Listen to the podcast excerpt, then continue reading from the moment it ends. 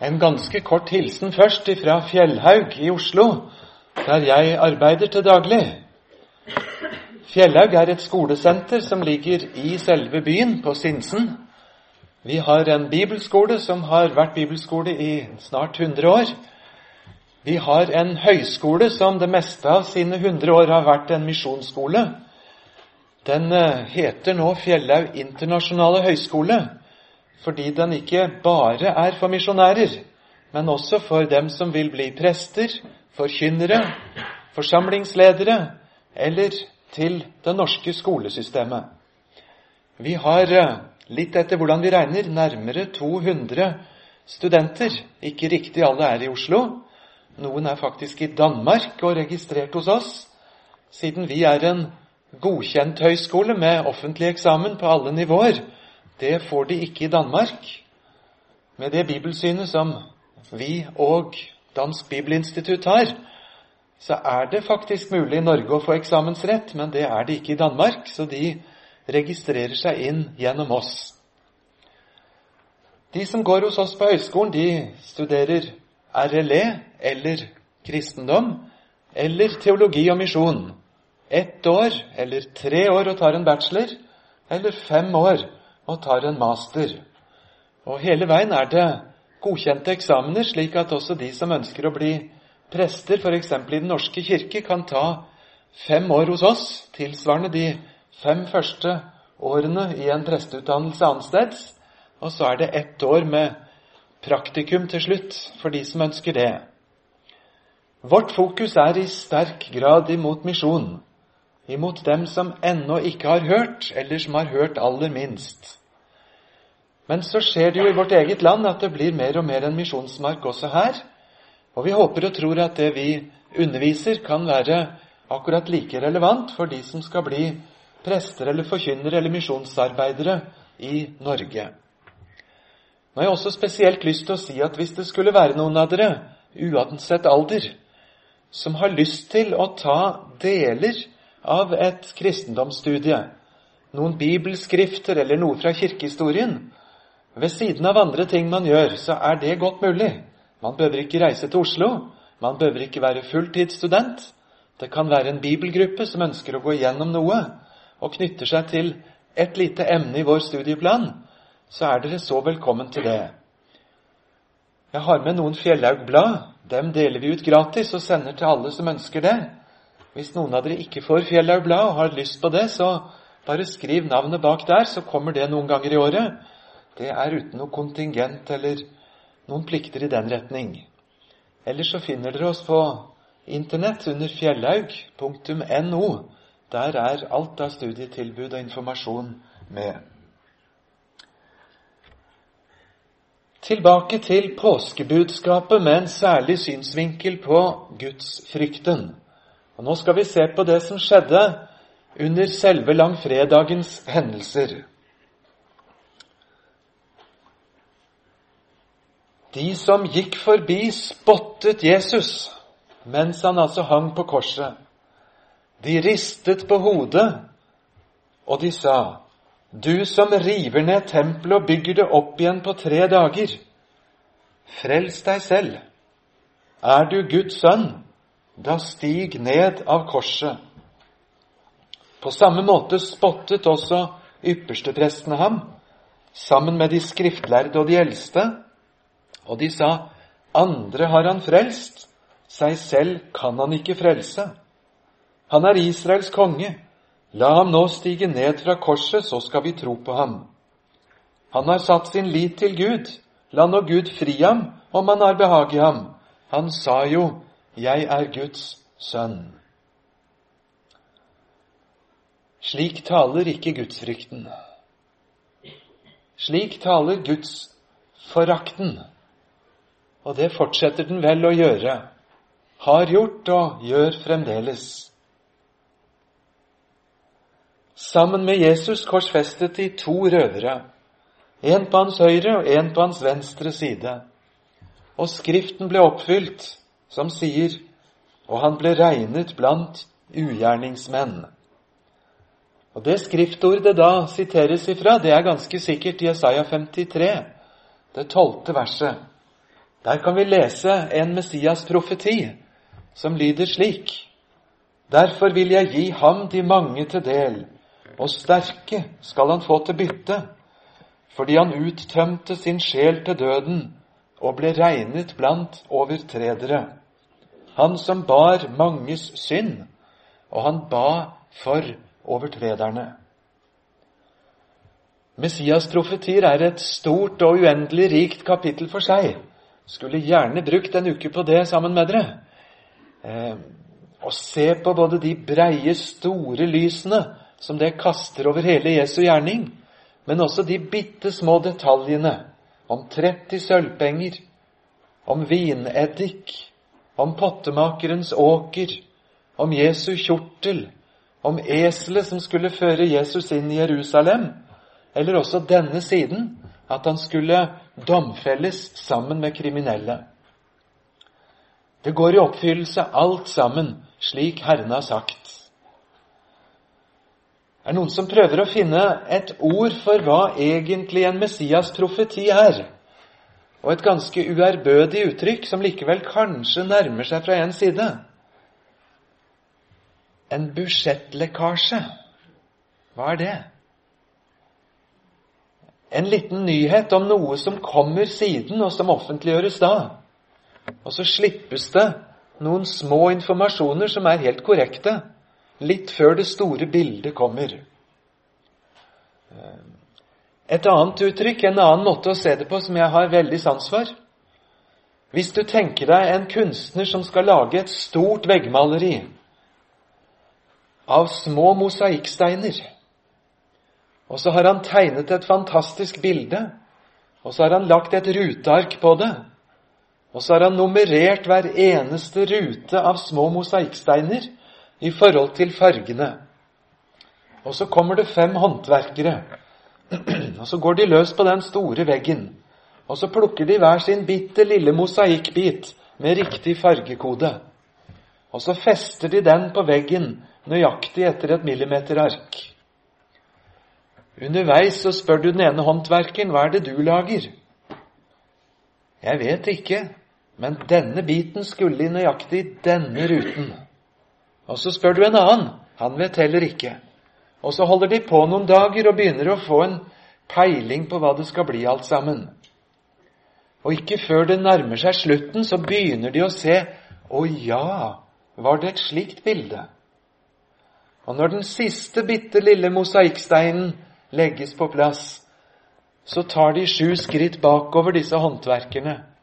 Og så detter haka ned på brystet, og så ser de kunstverket. Gud hadde noen sånne håndverkere, om jeg må få kalle Abraham, Moses, David, Jesaja og Zakaria det. Og i sin majestet så visste Gud nøyaktig hvor hver enkelt stein skulle ligge. Men de klødde seg i hodet og gransket og ransaket hva tid det siktet til som de bar fram. Og så fikk de forklart at de var ikke tjenere for seg selv, men for dem som skulle arve frelsen. Slik forklares det i 1. Peter 1, rundt vers 10. Og så kan vi i ettertid se på nøyaktig hvordan det hendte i Det nye testamentet. Og så går vi på skattejakt bakover og så finner vi igjen disse små mosaikksteinene. Og så detter haka ned på brystet, og vi sier, for en mektig Gud, som visste det, og som gjennomførte det, og som brukte så mange slags tjenere, villige og trassige, til å gi oss et bilde. Og så bekrefter det troen. Ingenting på slump, nøyaktig slik Gud hadde tenkt. Når alt er timet og tilrettelagt. Det er det Bibelen kaller 'i tidens fylde'. Når Guds timeglass har rent lenge nok, da skjer det. Og så blir det som han har sagt. Også røverne, som var korsfestet sammen med ham, hånte ham på samme måte. Slik leser vi i Matteus. Og her brukes det flertall om røverne. Og det er jo litt sånn utfordrende når vi vet at en av røverne ble med Jesus til paradis. Er det to forskjellige kilder? Nei, Guds ord taler aldri mot seg selv. Ja, kanskje har det skjedd noen ting i løpet av de timene disse to røverne hang der og så og hørte Jesus. I alle fall så leser vi slik ifra Lukas, og her blir det beskrevet så gripende. En av ugjerningsmennene som hang der, spottet ham og sa, Er ikke du Messias? Frels deg selv og oss. Men den andre tok til orde og irettesatte ham og sa, Frykter du ikke engang for Gud, du som er under den samme dom, og vi med rette, for vi får det vi fortjener etter våre gjerninger, men han har ikke gjort noe galt. Og han sa, Jesus, kom meg i hu når du kommer i ditt rike. Og han sa til ham, sannelig sier jeg deg, i dag skal du være med meg i paradis. Å, så glad jeg er for at Gud lot Lukas skrive ned denne hendelsen. Og så stor en nytte og glede og frelse det har fått bli til for så mange slags mennesker. Nå sies det også at noen har misbrukt denne fortellingen til å tenke at det ikke hastet å søke Gud. Og noen misbruker den til å tenke som så at når det kunne ordne seg for han, så skal det vel ordne seg for de fleste. Det er ikke sånn vi skal lese dette.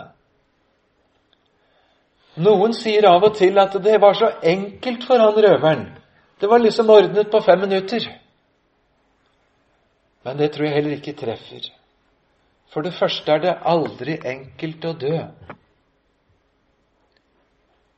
Den som har fulgt noen av sine kjære de siste dagene og timene, vet at det er ingen enkel sak å dø. For det andre så er det ingen grunn til å tro at dette var lettvint for denne røveren. Ja, men det var jo så enkelt. Han ble jo bare Han bare ba om noe. Han torde ikke be om det han fikk engang. Ja, jeg er ikke så sikker på om vi skal gjøre det så veldig enkelt. Det er enkelt på den ene måten, og det er altså ikke enkelt i den forstand at det er lettvint. Vi vet faktisk fire ting ifra denne korte teksten. Det ene er at han faktisk irettesatte spotteren. Om de var kamerater som hadde ranet og røvet og kanskje drept sammen, eller om de var tilfeldig ført sammen på siste rettssaken, det vet vi ikke. Men det står at han irettesatte han andre. Frykter du ikke engang Gud, du som er under samme dom? Det er som han sier, det får være en grense til spott og til bitterhet. Frykter du ikke engang Gud, du som er under samme dom? Og for det andre så sier han og vi med rette. Vi får bare igjen det som vårt liv har forskyldt. Ja, det var en sterk bekjennelse. Tror du den var lett? Jeg tror aldri det er lett for et menneske å innse jeg er skyldig. Man er jo ikke feilfri. Ingen er jo feilfri. Og så blir det sånn upersonlig, uforpliktende. Tenk å si det, og summere opp hele sitt liv. Og si at vi får som fortjent. Samfunnet må dømme oss til døden. Det fortjener våre liv. Er det lett? Å bekjenne sin synd, det er ingen enkel sak. Vi sang det nå i en av salmene her. Vis meg fordervelsens avgrunn i meg. For mange år siden på Fjellhaug så var det en som reiste seg på vitnemøtet og sa da jeg kom hit til Fjellhaug, så tenkte jeg skulle gjøre det til min bønn. Vis meg fordervelsens avgrunn i meg, for det syntes jeg hørtes fint ut, sa hun. Vet dere, det slutta jeg fort med. Det slutta jeg fort med, for Gud kan Du kan risikere at Gud svarer bønn. Og det lukter ikke godt. Det er ikke vakkert. Og det er ikke greit. Hvem av oss har vært til bånns i avgrunnen av fordervelse? Vitnemøter må ikke få lov til å bli en sånn kretsmesterskap i hvem som har den mest rørende, dypeste synserkjennelsen og synsbekjennelsen. Det er bra at vi vitner ærlig for hverandre om synden, men det må aldri bli en øvelse som er lettvint, og som skal imponere. Innenfor Gud å leve sitt liv. Nei, det var ikke lett å komme til det punktet i livet han sier 'Jeg får som fortjent'. Og en tredje ting Han bekjenner om Jesus at han er uten synd. Ja, det er en sterk Jesusbekjennelse. Hvor mange Jesus samtid var det som så og sa det? Denne er uten synd. Det er sterke ord. Å bekjenne troen på Jesus ja, det rakk faktisk denne. Og så for det fjerde en bønn til Jesus. Herre, kom meg i hu når du kommer i ditt rike. Det er mange som gjør et poeng av at det var jo å be om altfor lite i forhold til hva han fikk. Ja, hvem av oss er det som klarer å be Gud spesifisert om akkurat det vi trenger? Har du husket å be Gud i dag om at han må stelle sånn med de røde blodlegemene at de forsyner seg godt med oksygen når de er innom lungene, sånn at de kan være snille og frakte det ut til hver enkelt celle som trengs? Jeg har glemt å be om det, jeg har glemt å takke for det, og han har gjort det likevel. Ingen av oss makter å sette ord på alle Herrens velgjerninger. Og det er som i Salme 103. Glem nå i hvert fall ikke alle velgjerningene. Noen må du vel komme på. Noen må du vel kunne takke Herren for. Han som Og når David først er i gang, så klarer han ikke å sette punktum før det er gått 15 vers. Han som forlater din misgjerning. Han som Og så kommer det en lang, lang, lang rekke med omtaler av Gud. Og så trekker han pusten dypt, og så begynner han på en ny, nesten like lang setning. Og så fikk han takke seg glad, David, og så fikk han hjelpe oss til å takke oss glad for i hvert fall noen av hans velgjerninger. Hvis vi skal bruke, du og jeg, fortellingen om Jesus og røveren på korset for å vise den enkle veien til Jesus og frelse, så la oss gjøre det. Men la oss ikke snakke om det som om det var en lettvint sak. Men her har du bekjennelsen av synd. Du har bekjennelsen om Jesus, og du har bønnen rettet til Jesus. Og så står det i dag skal du være med meg i paradis. Fantastisk en tekst. Skulle jeg få lov å ta en liten sammenligning? Når en ny bro skal innvies over et eller annet sund, da er det stor stas. Da kommer de fra Oslo, gjør de ikke det? Med blanke sakser, veisjefer og statsråder, og kanskje til og med fra Slottet. Og så skal det innvies en bro etter mange år med bygging og enda flere år med planlegging og enda flere år med valglister og underskriftskampanjer for å få en bro. Så kommer den store dagen omsider. Og alt som kan krype og gå, er til stede, og de ser på.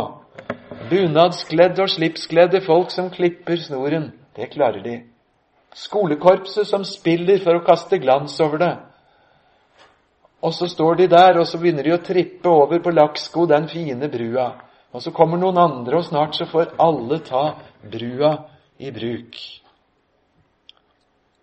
Da Gud bygde bro over det sundet som heter synd, som skiller oss mennesker på den ene siden ifra Gud på den andre.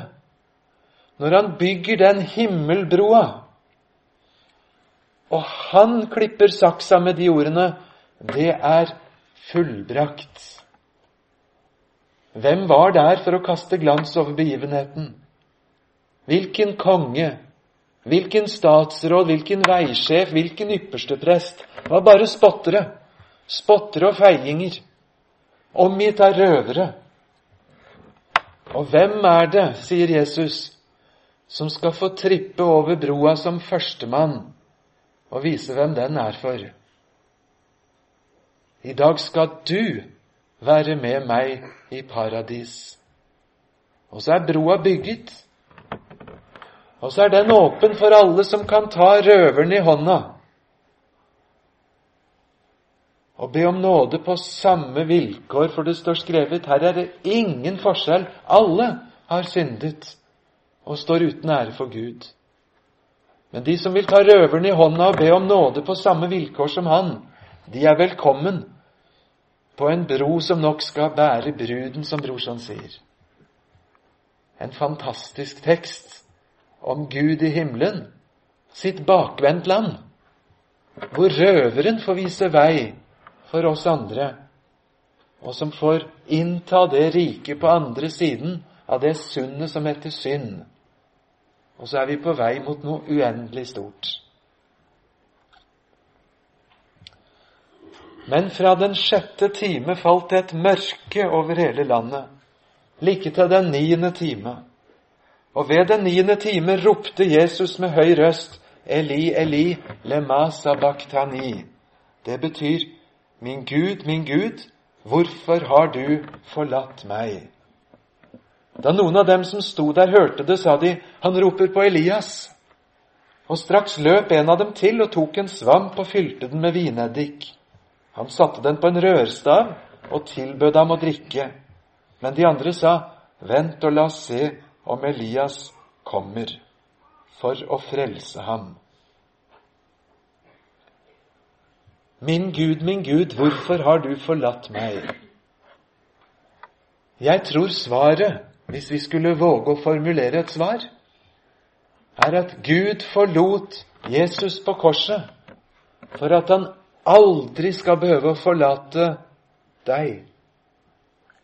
Gud vendte ryggen til Jesus på korset for at han aldri noensinne skal behøve å vende ryggen til deg men i stedet vende sitt ansikt mot deg, løfte sitt åsyn på deg, være deg nådig og gi deg fred. Derfor måtte Gud forlate Jesus på korset. Skulle han kunne løfte sitt åsyn på deg i fred, så måtte han vende sin rygg til Jesus og stenge himmelen for ham. Og så måtte Jesus alene, forlatt av mennesker, forlatt av Gud, gå hele veien helt frem. Men Jesus ropte igjen med høy røst og oppgav ånden. Og se, forhenget i tempelet revnet i to, ovenfra og ned, og jorden skalv, og klippene revnet, gravene åpnet seg, og mange av de hensovedes hellige legemer sto opp. Etter Jesu oppstandelse gikk de ut av gravene og kom inn i den hellige stad og viste seg for mange. Wow! Hvilken makt! Hvilken hendelse! Hvilket øyeblikk! Hvor langt opp på Richters skala kom det jordskjelvet? Som revner forhenget, dit inn der Herren selv bor. Ikke på et dugnadstiltak av overivrige disipler nedenifra, men på Guds kommando ovenifra, for å vise adgang tillatt for uvedkommende på Jesu regning. Like inn for nådens trone. Men da høvedsmannen og de som holdt vakt over Jesus sammen med ham, så jordskjelvet og det som skjedde, da ble de grepet av ja, her står det redsel av frykt. Og de sa i sannhet dette var Guds sønn. Det er nesten gripende å lese hvem det er i evangeliene som bekjenner akkurat det om Jesus. De første som sa det, var de onde ånder. De sa det lenge før Jesu disipler forsto det. Her er det hedenske romerske okkupasjonssoldater som bekjenner det. Underveis var det en røver som fikk sette ord på det. Og heldigvis var det også noen disipler som det begynte å demre for ved en åpenbaring ifra Gud. Men Josef fra Arimathea, som var en av Jesu disipler, men hemmelig, av frykt for jødene, spurte deretter Pilatus om å få ta ned Jesu legeme. Pilatus ga ham lov til det. Han kom da og tok Jesu legeme ned. En spesiell tekst.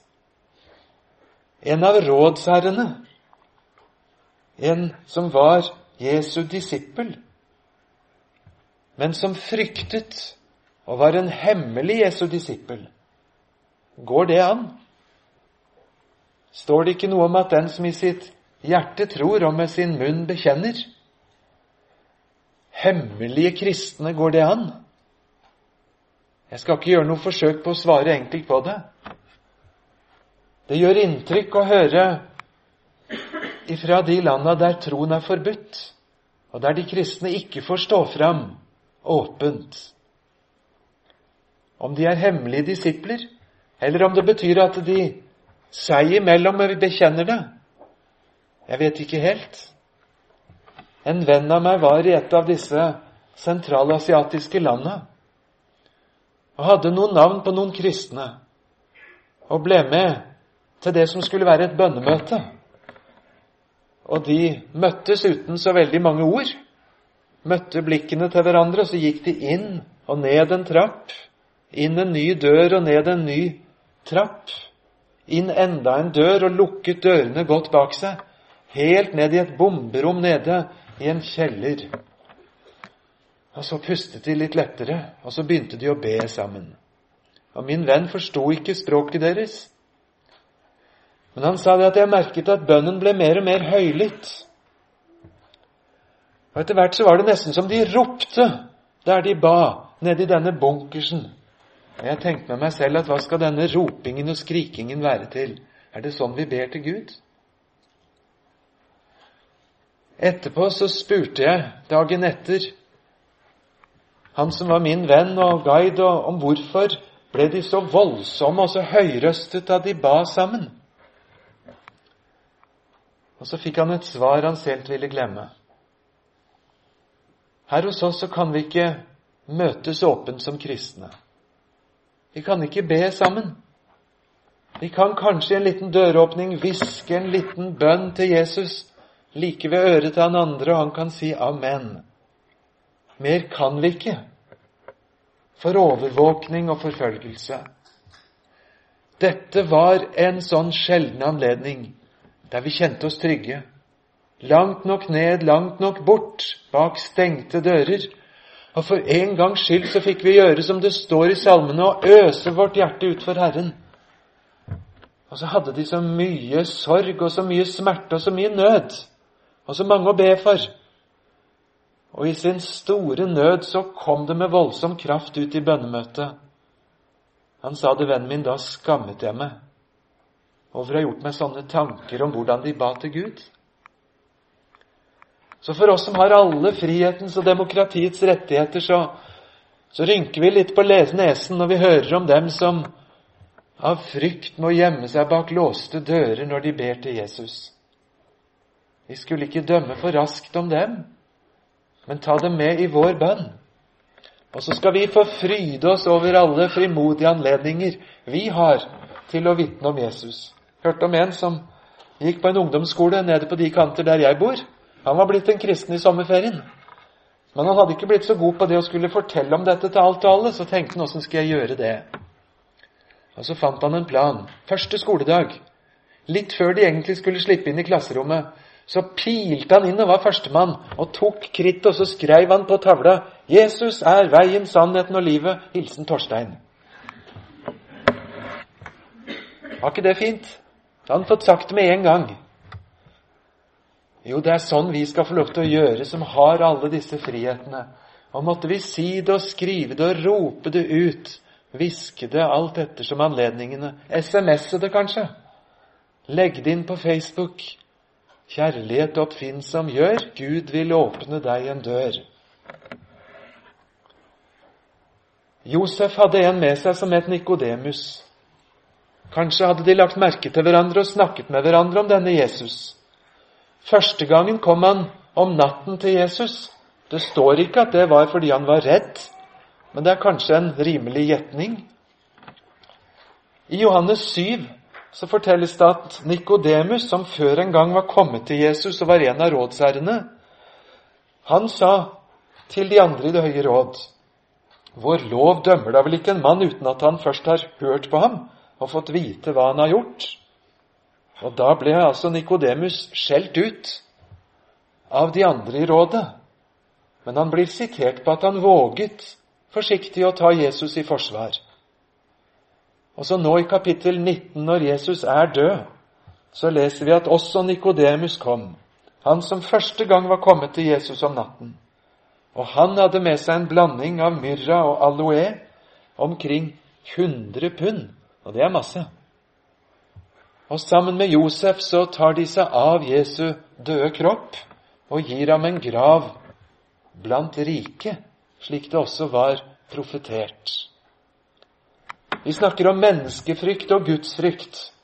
Og Jeg vet ikke å sette noen diagnose på hvor mye det var av hver av dem hos Nikodemus, og hvordan tidslinjen var med mindre menneskefrykt og mer gudsfrykt, kanskje. Men han løftes iallfall fram i Skriften som en som var der ved denne anledning i etterkant. Og hvor mye tid Herren måtte bruke med deg og med meg før vi kom hit sammen med Guds folk for å være Hans, det vet jeg ikke. Men Herren er en tålmodig Gud, og likevel så kommer det en grense. Så i dag, når du hører Hans røst, påskemorgen, så får kvinnene høre Gå og si til hans disipler og til Peter, han går i forveien for dere til Galilea. Der skal dere se ham, slik som han sa til dere. Da gikk de ut og flyktet i hast bort fra graven, skjelvende og grepet av forferdelse. De sa ikke ett ord til noen, for de var redde. Er ikke det en merkelig sak? Vi tenker liksom sånn om påskemorgen at de ble så fryktelig glad. Og så kasta de seg rundt og ropte det ut til disiplene. Her hører vi noe om at de ble fryktelig redde og veldig forskrekket og nesten lamslått når de møter engelen. Og på en måte så kan vi vel forstå det. Noe så overraskende og på den annen side, hadde ikke Jesus varslet det og sagt fra om det flere ganger til sine disipler? Jo, det hadde han. Det høres ut til at det var det bare Jesu motstandere som hadde merket seg, og ingen av Jesu tilhengere. Motstanderne hadde hørt det nok til at de ville sette vakter, men disiplene hadde aldeles glemt det, og ingen tanke om han skulle komme til live igjen. De var redde. De var forskrekket nesten paralysert. Og det var de andre disiplene òg. For å finne dem så måtte de nettopp bak stengte dører. Da det var blitt kveld samme dag, den første dag i uken, var dørene lukket der disiplene var, av frykt for jødene. Da kom Jesus og sto midt iblant dem og sa til dem, Fred være med dere. Jesus snakket arameisk eller hebraisk. Jeg tror det er mange som vet hva fred heter på hebraisk. Shalom. Bokstavelig talt så er shalom ordet for å innfri et løfte eller å betale, gjøre opp for seg. Shalom er perfektum partisipp betalt, bokstavelig talt. Kan du se en flottere hilsen ifra Jesus til redde disipler bak lukkede dører av frykt for jødene. Fred være med dere. Psykologisk sett så var det ikke mye som talte om fred hos dem. Det er ikke sikkert Jesus snakket psykologspråk heller. teknisk sett, det er betalt, det er gjort opp, det er innfridd for dere. Når Jesus er fredsfyrsten og forkynner fred, så er det ikke med en sånn liten vårvind eller fønvind av himmelsk fred. Og det var deilig så lenge det varte. Frelsen er ikke en følelse. Det er en tilstand. Det er en tilstand å være gjort opp for og ha fått det betalt. Fred være med dere. Og så utrolig å se om Jesus som tar en ekstrarunde til Thomas åtte dager etter. Ja, Thomas, han som ble verdensberømt for sin tvil. Han som lukket seg inne i sitt mørke og ikke kunne dele troen på at Jesus hadde stått opp. Forresten, er det noen som vet hvorfor Thomas fikk det så vanskelig i åtte dager? Ja, Det er fordi han var ikke sammen med Jesu venner. Hadde Thomas vært sammen med Jesu venner, så hadde han møtt den oppstandende. Det hender jeg møter noen som syns det er så fryktelig vanskelig å være en kristen. Det er så fryktelig vanskelig å leve et kristenliv. De ser liksom ikke Jesus. Og så må jeg kanskje spørre tilbake Ja, men er du der sammen med Jesu venner? Det er der du finner Jesus. Der hvor boka hans er. Der hvor Jesu venner samles. Om du går borti mørket hos deg selv Å nei, det er så vanskelig, dette her. Det blir så mørkt. Da må du ikke gjøre som Thomas og grave deg ned i det mørket. Denne gangen tok Jesus en helt spesiell ekstrarunde. Og takk og lov for det. Det gjorde han med den sure storebroren også. Han som tusla rundt i mørket og bare hørte der borte på armlengdes avstand festen og gleden for lillebroren som var kommet igjen. Men der ville ikke han være med. Da står det om en Gud, om en far, som forlater festen, går ut i mørket og tar en ekstrarunde for å finne den sure storebroren, for å tale vennlig til ham, for å be ham med inn igjen i festen. For far han vil ha både forvillede småsøsken og forbitrede storebrødre med seg i sitt hus. Jesus vil ha alle. Og så tar Jesus takk og lov den ekstrarunden til Thomas og finner ham i mørket. Og spesialpedagogen Jesus, han møter Thomas der han er i sitt mørke. Og så får Thomas slippe sin tvil og se og bekjenne. Og så kommer den sterke bekjennelsen ifra en jøde. Min Herre og min Gud. Det er ikke mange steder i evangeliene at noen kalte Jesus for Gud. Det gjør Thomas. Overveldet over hva Jesus kan vise ham. På fjernsynet så er det noen programmer som heter Ekstrem forvandling.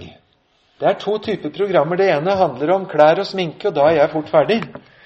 De andre handler om hus. Det syns jeg er mye mer interessant. Men nå skal dere høre om en virkelig ekstrem forvandling. En forvandling av feige Peter, som fornekter Jesus, og som i løpet av noen dager og uker blir så modig at i samme Jerusalem, i samme tempel, foran tusenvis av mennesker, så kommer de frimodigste både vitnesbyrd om Jesus og rop om at nå må dere vende om. Omvend dere! Det er mange av studentene våre på Fjellhaug de siste årene som har skrevet særoppgaver og spesialavhandlinger og til og med masteravhandlinger omkring omvendelse. Det er så bra Det er noe som få snakker så veldig høyt om rundt forbi der jeg ferdes. Men Bibelen gjør det. Og det er så flott når bibellesende studenter tar tak i det som står skrevet, og sier 'her står det noe jeg har hørt litt om', det må jeg finne ut hva betyr det. Er det noe de har funnet ut alle sammen, så er det at det å forkynne omvendelse, det er uten unntak å fornærme folk. Du er på feil vei.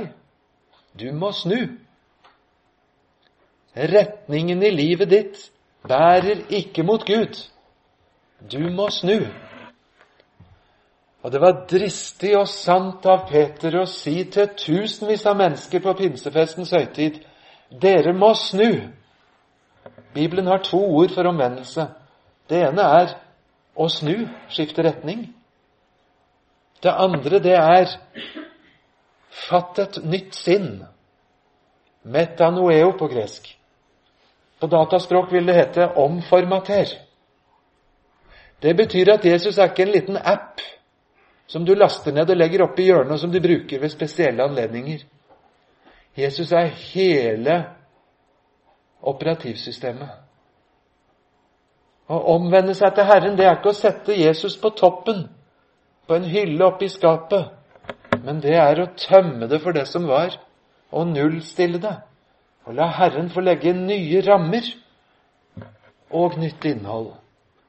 Omvend dere. Og I den neste talen Peter holder, så er det om mulig enda dristigere. Der sier han rett ut Dere fornektet den hellige og rettferdige og ba om at en morder måtte bli gitt dere, men livets høvding drepte dere. Det er høyt konfrontasjonsnivå. Peter, som 50 dager eller så før hadde vært livredd som en mus som pilte unna Han står nå i samme by overfor samme mennesker, innenfor samme høye råd, innenfor samme ypperste prester og skriftlærde og farisere, med beskyldningen om at dere drepte livets høvding. Dere overgav Jesus. Men hør hva Gud gjorde med ham. Gud reiste ham opp og satte ham til herre og til dommer. Vend om. Dette må være ekstrem forvandling. Og så var ikke det alltid slik med, Peter at han var like klar. Det kom ganger, skriver Paulus, da han til og med hyklet og dro med seg Barnabas i et hykleri, i Galaterne 1. Så Paulus måtte tale Peter til rette. Sånn er det også å være en kristen, å være i Herrens skole. Det kan være to skritt fram og ett tilbake.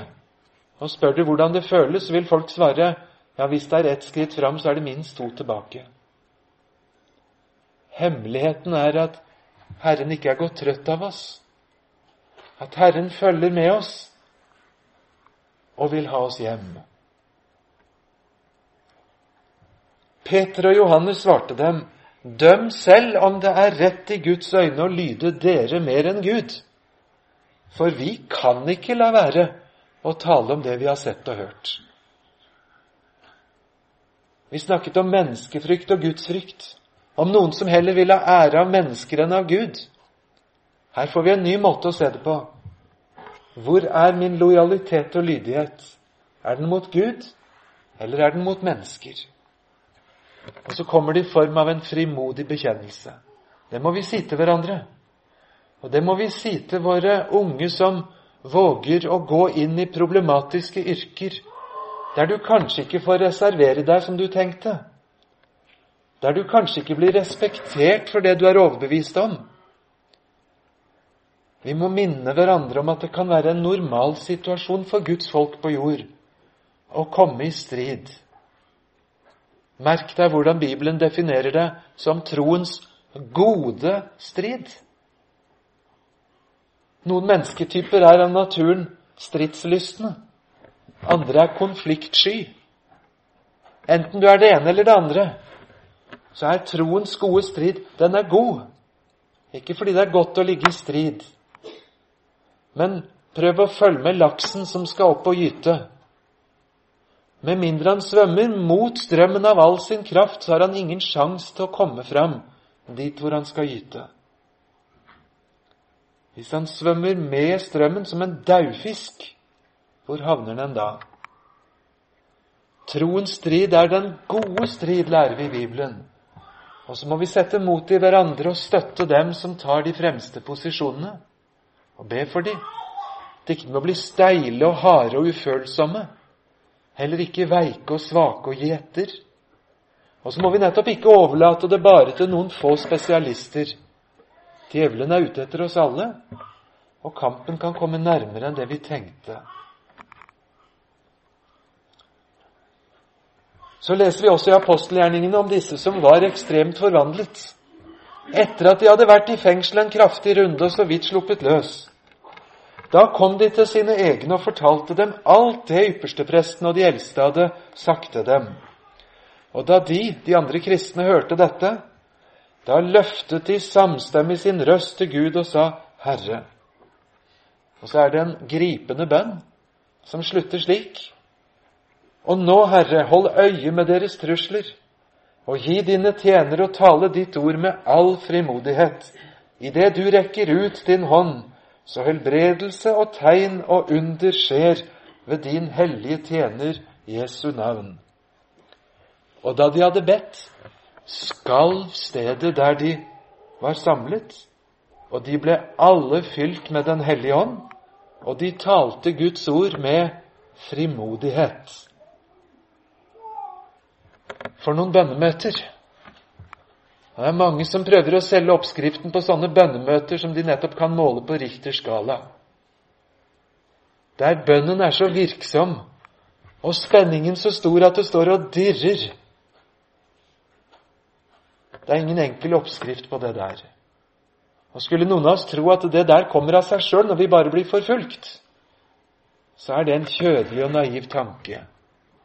Åndskraft kommer ikke automatisk rekende på ei fjøl fordi om vi møter forfølgelse.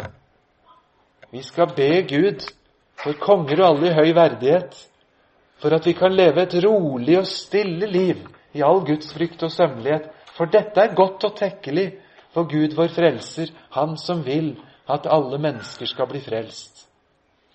For at mennesker skal bli frelst, så er det godt om vi får ha et rolig og ordna samfunn og så kan forkynnelsen skje. La oss takke for hver dag vi får under sånne forhold, og ikke drømme oss bort at det er lettere å være en åndsfylt kristen når motstanden bare er stor. Men kommer den dagen, så har vi Herrens løfte på å være med også sånne dager. Og så leser vi noe veldig spennende av apostelgjerningene. Da disse frimodige kristne gikk ut og vitnet, da tenker vi at da ble de veldig populære. Men så leser vi i apostelgjerningene 5.11.: Og stor frykt kom over hele menigheten og over alle som hørte dette. Og det skjedde mange tegn og under blant folket ved apostlenes hender. Og med ett sinn pleide de å samles i Salomos søylegang. Av de andre så våget ingen å holde seg nær til dem, men folket hadde mange lovord å si om dem. Stadig flere som trodde på Herren, ble lagt til menigheten, en mengde av både menn og kvinner. Er ikke det en overraskende tekst? Der hvor de troende er full av frimodighet og vitner, der står det at også de som menighet Det kom stor frykt over dem. Og de på utsiden de hadde så mye frykt for de kristne at ingen av dem våget å holde seg nær til dem. Men på armlengdes avstand så hadde de mange lovord å si om dem. Og noen var det som ble frelst, og da ble de en del av dette. Og dette er en kjempenyttig tekst for oss å lære. Hvis vi, eller spesielt dere som er unge kristne, tenker hvordan kan vi bli en sånn ung, flott menighet dit andre strømmer til? Da skal vi lære det fra denne teksten. At disse første kristne som levde så tett på Herren og ble så preget av Ham, de ble farlige på en sånn måte at andre ikke våget å holde seg nær til dem. Men de ble også fylt av en veldig respekt, og noen ble frelst. For å si det på en annen måte hvis vi tenker oss at vi vinner flest mulig, hvis det ikke fins en dørstokk noe sted og folk bare velter inn og snubler inn og ikke vet akkurat at de er hos oss. Men det var jo forresten kjempeålreite folk. Jeg blir som dem. Ja, ja, det kan høres greit ut, det. Men her leser vi om noe annet. Det står ikke akkurat at dørstokken var høy, men det er vel omtrent det det betyr. Når det kom en sånn frykt rundt dem at ingen våget å holde seg nær til dem. Og det var bra, det, for så fikk Herren frelse dem som ville la seg frelse. Jeg sier ikke at det er bra å gjøre det så trangt som råd, og så umulig at det nesten ikke er sjans til å bli en del av et kristent fellesskap. Slett ikke. Men la oss ikke tro at vi har gjort noe fryktelig feil hvis det faller frykt over de verdslige i møte med de kristne. For det er jo en slags gudsfrykt som er menighetens eget DNA. Og det må vi ikke skamme oss over, om det nå er ekte. Helt til slutt Den kampen som Jesus kjempet for oss, la oss ikke glemme hva den har kostet. Et lite skritt tilbake til slutt fra min side nå. Til Getsemane. Jesus sier 'min sjel er bedrøvet inntil døden'. Og så ber han disiplene å bli der og våke med seg. Jesus selv gikk lenger fram, falt til jorden og ba om at timen måtte gå ham forbi om det var mulig. Abba, far, alt er mulig for deg, ta denne kalk fra meg, men ikke som jeg vil, bare som du vil. Og så gikk han igjen bort og ba med de samme ord. Og han kom i dødsangst, og han ba enda mer inntrengende. Svetten hans ble som blodstråper som falt ned på jorden. Hver gang jeg leser det, så synger salmen i hodet mitt hva min frelse kostet har. Eller første Korinterbrev 6. Dere er dyrt kjøpt. I Hebreerne 5 så står det et par-tre vers som jeg ikke skal våge meg på å tolke i det hele tatt. Men det må ha med noe av dette å gjøre. Der står det så dristig omkring Jesu kamp. Jesus har i sitt kjøds dager med sterkt skrik og tårer båret fram bønner og nødrop til ham som kunne frelse ham fra døden. Og han ble bønnhørt for sin gudsfrykt. Enda han var sønn, lærte han lydighet av det han led. Og da han var fullendt, ble han opphav til evig frelse for alle dem som er lydige mot ham. Og han ble av Gud kalt for ypperste prest etter Melkisedeks vis. Det har kostet å frelse deg, og det har kostet å frelse meg. Og nå er prisen betalt. Ikke sølv, ikke gull, ikke forgjengelige ting, men med Jesu eget blod, som blod av et lyteløst lam. Og dermed så ble Jesus opphav til evig frelse. Evig frelse.